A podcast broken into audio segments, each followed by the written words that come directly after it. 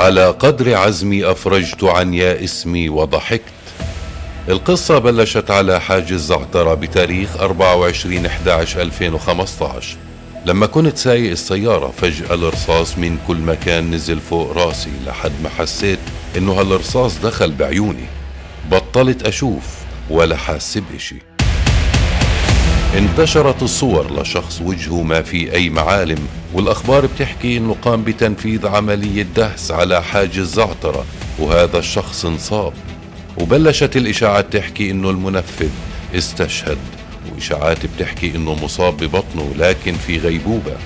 وإشاعات بتحكي أنه إصابته بسيطة والوجه مليان دم لأنه ارتطم بزجاج السيارة لكن الحقيقة أنه في رصاصتين قاتلات واحدة بإيد اليمين قطعت الوتر وأوقفت حركة الإيد والثانية كانت ما بين الأنف والشفة العلوية.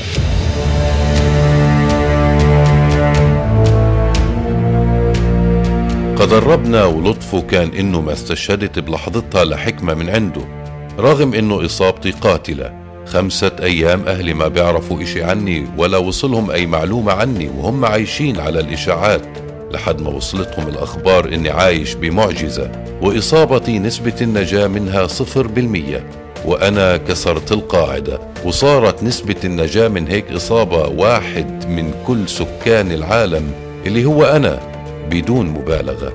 الرصاصة الأولى بالإيد قطعت وتر وانشلت حركة إصبع الشاهد بالكامل وصارت حركة الأصابع الثانية مؤلمة ومتعبة عندي. والرصاصة الثانية كسرت الفك العلوي وكسرت الأسنان وعظام الفك وبترت جزء من الشفة العلوية وضربت عصب الكلام وأثرت على النطق وغيرت ملامح وجهي كليا وطلعت من الجهة الثانية وقلبت حياتي وحياة كل بني آدم بيعرفني قبل وبعد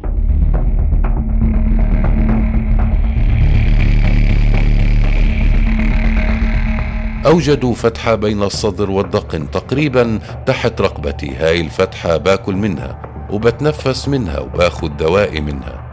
صوتي اختفى على إثر الإصابة. تركب لي جهاز ليجهر الصوت ويخليه يصير أعلى شوي ومسموع.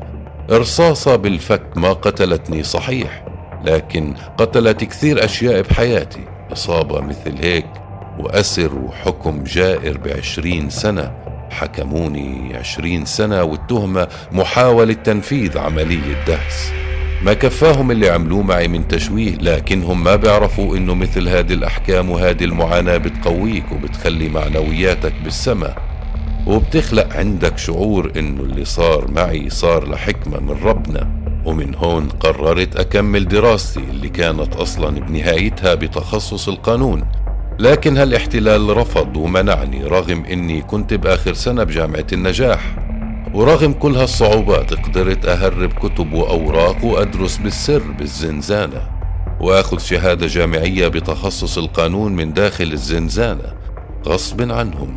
صحيح أمي أمنيتها تشوفني بروب التخرج وترفع راسها فيا بس أنا تخرجت من نص الزنزانة وغصب عن هالمحتل الشعب كله بيرفع راسه فيا.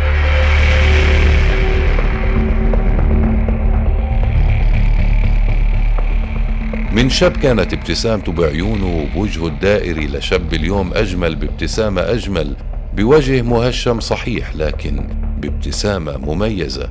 الشفة السفلى بضمها على الشارب بتطلع هالابتسامة المميزة. هيك الفرق بين الصورتين مع أبوي قبل الأسر وبعده. أبوي اللي من أول لحظة باعتقالي وهو ما بيخلي مكان إلا بيحكي عني وعن معاناتي ومعاناة الأسرى اليوم أنا بالسجن ملتهي بالقراءة والرياضة بحاول أخلي جرحي يلتئم. معنوياتي عالية بس للأسف مشاكل الصحية كتير. عندي مشاكل بالتنفس وبحاجة لزراعة عظام وأسنان وبناء للشفة. رغم إنه أهلي ساهموا ماديا بعلاجي لكن هالمحتل بده فرصة لينتقم منك ومستحيل يعالجك طبيا بشكل صحيح. الفتحة في رقبتي تسكرت لأنها خطيرة وراح تسبب لي أمراض وأوجاع كتير. أنا اليوم أكبر أمنياتي خلاط للأكل. نعم أكثر إشي بتمناه خلاط للأكل حتى أقدر أهرس الأكل زي الأطفال. هذا هو السؤال اللي كان أبوي خايف يسألني إياه إنه كيف بتاكل يا عزمي؟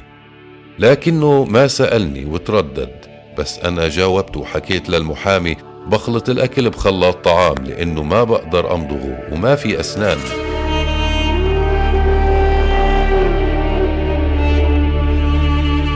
هذا هو السجن وهذا هو المحتل. بخلي أكبر أمنياتك خلاط 800 شيكل أكثر الناس ما بتستعمله إلا مصادفة.